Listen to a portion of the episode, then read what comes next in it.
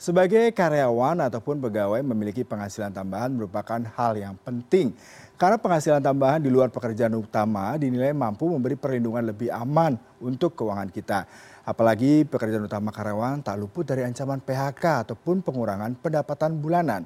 Lantas seberapa urgensinya seorang karyawan perlu mempunyai side job? Dan untuk membahas hal ini sudah bergabung melalui sambungan virtual perencana keuangan Prita Sari Gozi. Selamat pagi Mbak Prita. Selamat pagi Mas Yuda. Iya Mbak Prita kalau ngomongin penting gaknya mungkin semua penonton merasa penting ya. Tapi yang menarik adalah bagaimana sih menentukan urgensi itu Mbak. Apakah memang kita melihat dari segi income kita dirasa tidak cukup untuk menutupi pengeluaran. Ataukah memang uh, di awal mulai kita bekerja kita sudah memikirkan harus ada side job. Harus ada usaha tambahan begitu Mbak.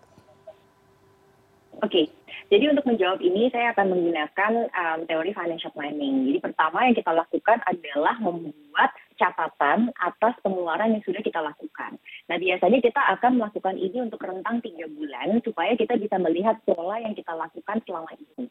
Setelah kita membuat catatan tersebut, maka biasanya kita akan paham, oh ini bentuk atau um, pola pengeluaran uh, yang kita keluarkan untuk necessities, necessities sesuatu yang wajib, lalu kita keluarkan misal untuk cicilan dan juga untuk hal-hal yang sifatnya lebih uh, kebutuhan yang menyenangkan atau bahkan keinginan. Nah dari angka ini lalu kita cocokkan dengan penghasilan setiap bulan yang pasti kita terima.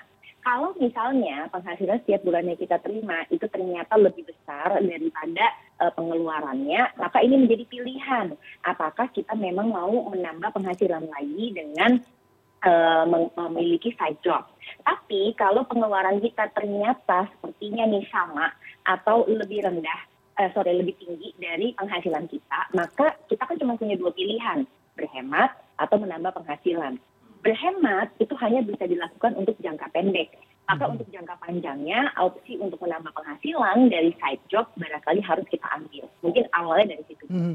Berarti ini sebuah keniscayaan ya Mbak. Apalagi kalau kita melihat dengan kondisi perekonomian global maupun dari Indonesia sendiri, gonjang gejing masih merupakan hal yang substansial ketika orang berpikir harus mendapatkan penghasilan tambahan. Nah tapi tadi yang menarik adalah kita harus membuat neraca dulu. Lalu apakah kalau yang sudah terlanjur nih Mbak, sudah punya pekerjaan uh, tahunan, belasan tahun baru sadar nih kayaknya saya butuh side job. Lalu langkah awal seperti apa yang harus dilakukan, Mbak?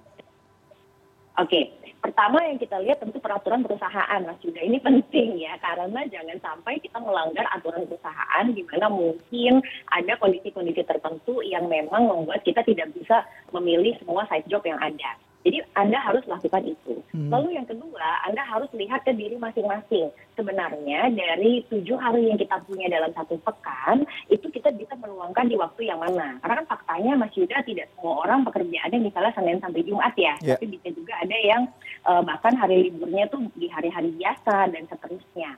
Lalu yang ketiga, kita lihat lagi apa sih yang bisa kita lakukan. Saya biasanya pakai tip 4E.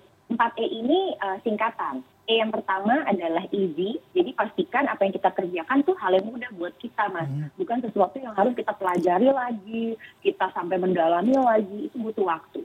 Lalu yang kedua adalah E-nya excellent. Excellent artinya memang bukan cuma kita mudah, tapi kita memang bisa ngerjainnya dan bagus gitu ya. Jadi uh, istilahnya itu unggul lah kita dalam mengerjakan hal tersebut. E yang ketiga itu harus earn. Ini bahaya nih mas. Kenapa? Karena ada orang-orang yang ternyata udah punya side job, penghasilannya kayaknya kok tetap nggak bisa nutup hmm. ya karena ternyata earningnya itu tidak sesuai dengan apa yang dia keluarkan yeah. misalnya transportnya malah jadi lebih besar lah atau dia jadi harus menitipkan anaknya di mana dan pada akhirnya uh, earning dari side job itu jadi sepertinya kurang berarti dan E yang terakhir adalah enjoy karena saya pastikan orang yang punya side job itu waktu dia untuk beristirahat dan lain-lain pasti akan berkurang. Jadi kalau dia tidak enjoy, biasanya dia akan tidak melakukan itu dengan senang hati. Dan kalau orang tidak melakukan dengan senang hati, sepertinya sih hasilnya jarang tuh yang akan bagus. Iya, Mbak Prita kalau tadi berita yang saya bacakan rata-rata berawal dari hobi ya Mbak ya. Dan mereka pastinya enjoy, kemudian juga earning money-nya juga berbanding lurus ya ketika mereka passionate menjalankan itu. Tetapi yang menjadi pertanyaan tadi Mbak menarik adalah ketika earn-nya ini harus seimbang juga dengan bagaimana kita menghabiskan waktu, kemudian juga transport, dan juga effort lainnya. Nah kadang-kadang itu sering diabaikan. Lalu idealnya seperti apa sih Mbak kira-kira side job itu proporsinya berapa persen dari penghasilan bulanan? Sehingga kita bisa merasakan ini perlu nih kita fight untuk uh, melanjutkan side job ini. Oke, kalau proporsi terhadap income bulanan itu kita agak susah tuh mengukurnya. Kalau saya lebih mengukurnya adalah time yang kita pakai dengan earn yang kita dapatkan. Jadi hmm. berapa banyak sih sebenarnya waktu yang kita pakai untuk bekerja? Kita punya sebutannya adalah um, satu jam ekivalen berapa rupiah. Jadi di situ kita tahu oh ternyata hanya kita per jam tuh sekian ya. Kita mendapatkan earning misalnya um, kita kerja satu jam let's say dia punya pekerjaan sampingan sebagai guru uh, apa uh, guru yoga gitu misalnya terus satu jam dia ngajar mungkin earningnya saya nggak tahu ya mungkin satu mm-hmm. bulan eh sorry satu satu jam itu mungkin dapetin eh, satu uh, juta terus satu bulan dia mungkin nambah ngajar empat jam berarti tambahannya adalah empat juta rupiah nah terlepas yeah. berapapun monthly income dia saat dia mengeluarkan uh, waktu satu jam untuk mengajar dia juga harus berpikir, selain mengajar kan saya ada transportnya, saya juga mungkin mesti uh, membeli um, apa pakaian atau outfit untuk saya mengajar. Nah itu harus dihitung tuh sebenarnya berapa sih um, biaya yang kita keluarkan untuk kita bisa melakukan side job tersebut. Maka dari 4 juta yang kita dapatkan itu harus tetap kita kurangi mas dengan uh, biaya transportasi dan juga biaya operasionalnya. Jadi akhirnya kita tahu oh bersihnya tuh kita dapat sekian. Oke, sekarang kita hitung 4 jam plus uh, mungkin uh, commuting uh, kita ternyata bersihnya dapat 3 juta rupiah. Bersihnya. Nah, ini hmm. yang sebenarnya akan menjadi hitungan apakah memang side job tersebut itu layak kita teruskan atau tidak. Hmm. Yang menarik tadi di awal Mbak mengatakan memang kita perlu sedikitnya membuat neraca keuangan ya. Bagaimana kira-kira penghasilan kita sebanding tidak dengan pengeluaran sehingga akhirnya diputuskan untuk mengambil side job ataupun usaha sampingan. Kalau bicara side job ini kadang-kadang tidak pasti ya Mbak. Mungkin pekerjaan-pekerjaan tertentu uh, mereka bisa lagi peak dapetin job tapi mungkin pada momen tertentu mereka tidak terlalu padat mendapatkan side job ini. Lalu bagaimana bisa mendapatkan side job tadi untuk uh, stabilisasi pengeluaran yang rutin. Sementara tadi kita ketahui side job kan kadang-kadang ada, kadang-kadang tidak, Mbak. Hmm. Oke, okay. jadi jenis side job itu kan juga ada dua. Yang hmm. pertama hmm. memang jenisnya itu yang lepasan atau freelance kita sebutnya. Nah ini yang uh, orang-orang mungkin berbentuk uh, diakhirkan dia nyambi jadi MC atau hmm. mungkin dia suka main musik terus dia ngeband di, di waktu uh, luangnya itu contoh-contoh yang mana seperti yang tadi Mas Yuda bilang belum tentu hasilnya seperti ini.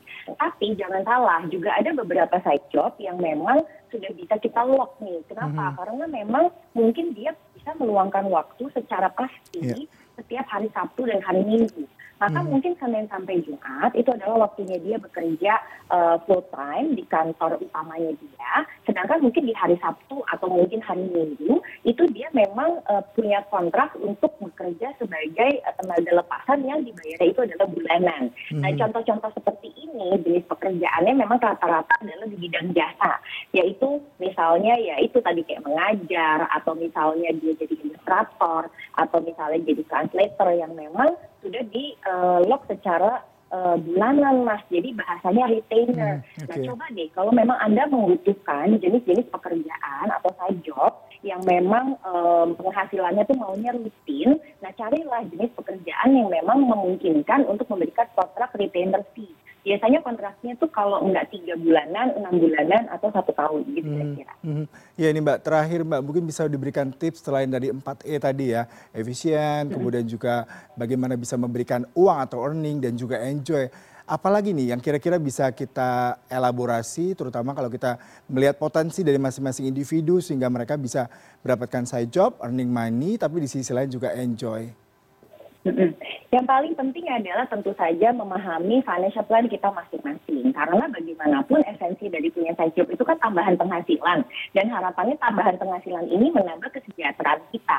Maka kita juga harus lebih disiplin saat yeah. dapat uangnya. Kemudian kita bagi untuk apa. Saya ingatkan kembali pembagiannya itu kalau bisa adalah untuk tiga hal. Living, saving, playing Sehingga saat kita dapat penghasilan utama plus penghasilan tambahan, ini harus dihitung dua-duanya secara berbarengan. Kemudian kalau bisa sisihkan 30% untuk hmm. saving. Saving ini nanti akan terbagi-bagi untuk dana darurat, dana hmm. menabung, dan juga dana berinvestasi. Lalu yang kedua, pastikan side job Anda itu memang betul-betul menambah um, kesejahteraan untuk keluarga Anda. Cara melihatnya adalah evaluasi kesehatan keuangan. Okay. Jadi setiap tahun pastikan ada nggak aset yang bertambah atau hmm. ada nggak utang yang berkurang. Nah dari situ ketahuan sebenarnya penambahan side job ini memang betul nggak menambah uh, kesehatan keuangan dan kesejahteraan keuangan Anda. Dan yang terakhir tips dari saya untuk yang punya side job itu uh, banyak-banyak uh, membuka mata dan peluang lah kira-kira. Okay. Karena kadang-kadang dari side job yang awalnya hmm. hanya sampingan, lama-lama itu malah menjadi uh, hal yang mungkin akan dia kerjakan berikutnya mm-hmm. gitu loh pada saat mungkin dia jelang pensiun atau mungkin nanti malah dibantu oleh pasangannya pasangannya tadinya mungkin mengurus anak full time anaknya mulai besar akhirnya malah bisa meneruskan side job yang tadinya dirintis oleh pasangan yang lain gitu kira-kira Ya Mbak Prita, terima kasih sekali. Sepertinya perbincangan ini memberikan pemahaman ya bahwa side job itu memang harus banyak hal yang dipertimbangkan, tidak sekedar mentang-mentang ada tawaran, tapi juga tadi beberapa hal yang harus dihitung juga dan juga kita lihat prospek ke depannya sehingga kita juga dapat cuan tapi juga menikmati dan juga bisa menjadi prospek ke depannya. Terima kasih untuk perbincangannya pagi hari ini Mbak. Salam sehat selalu.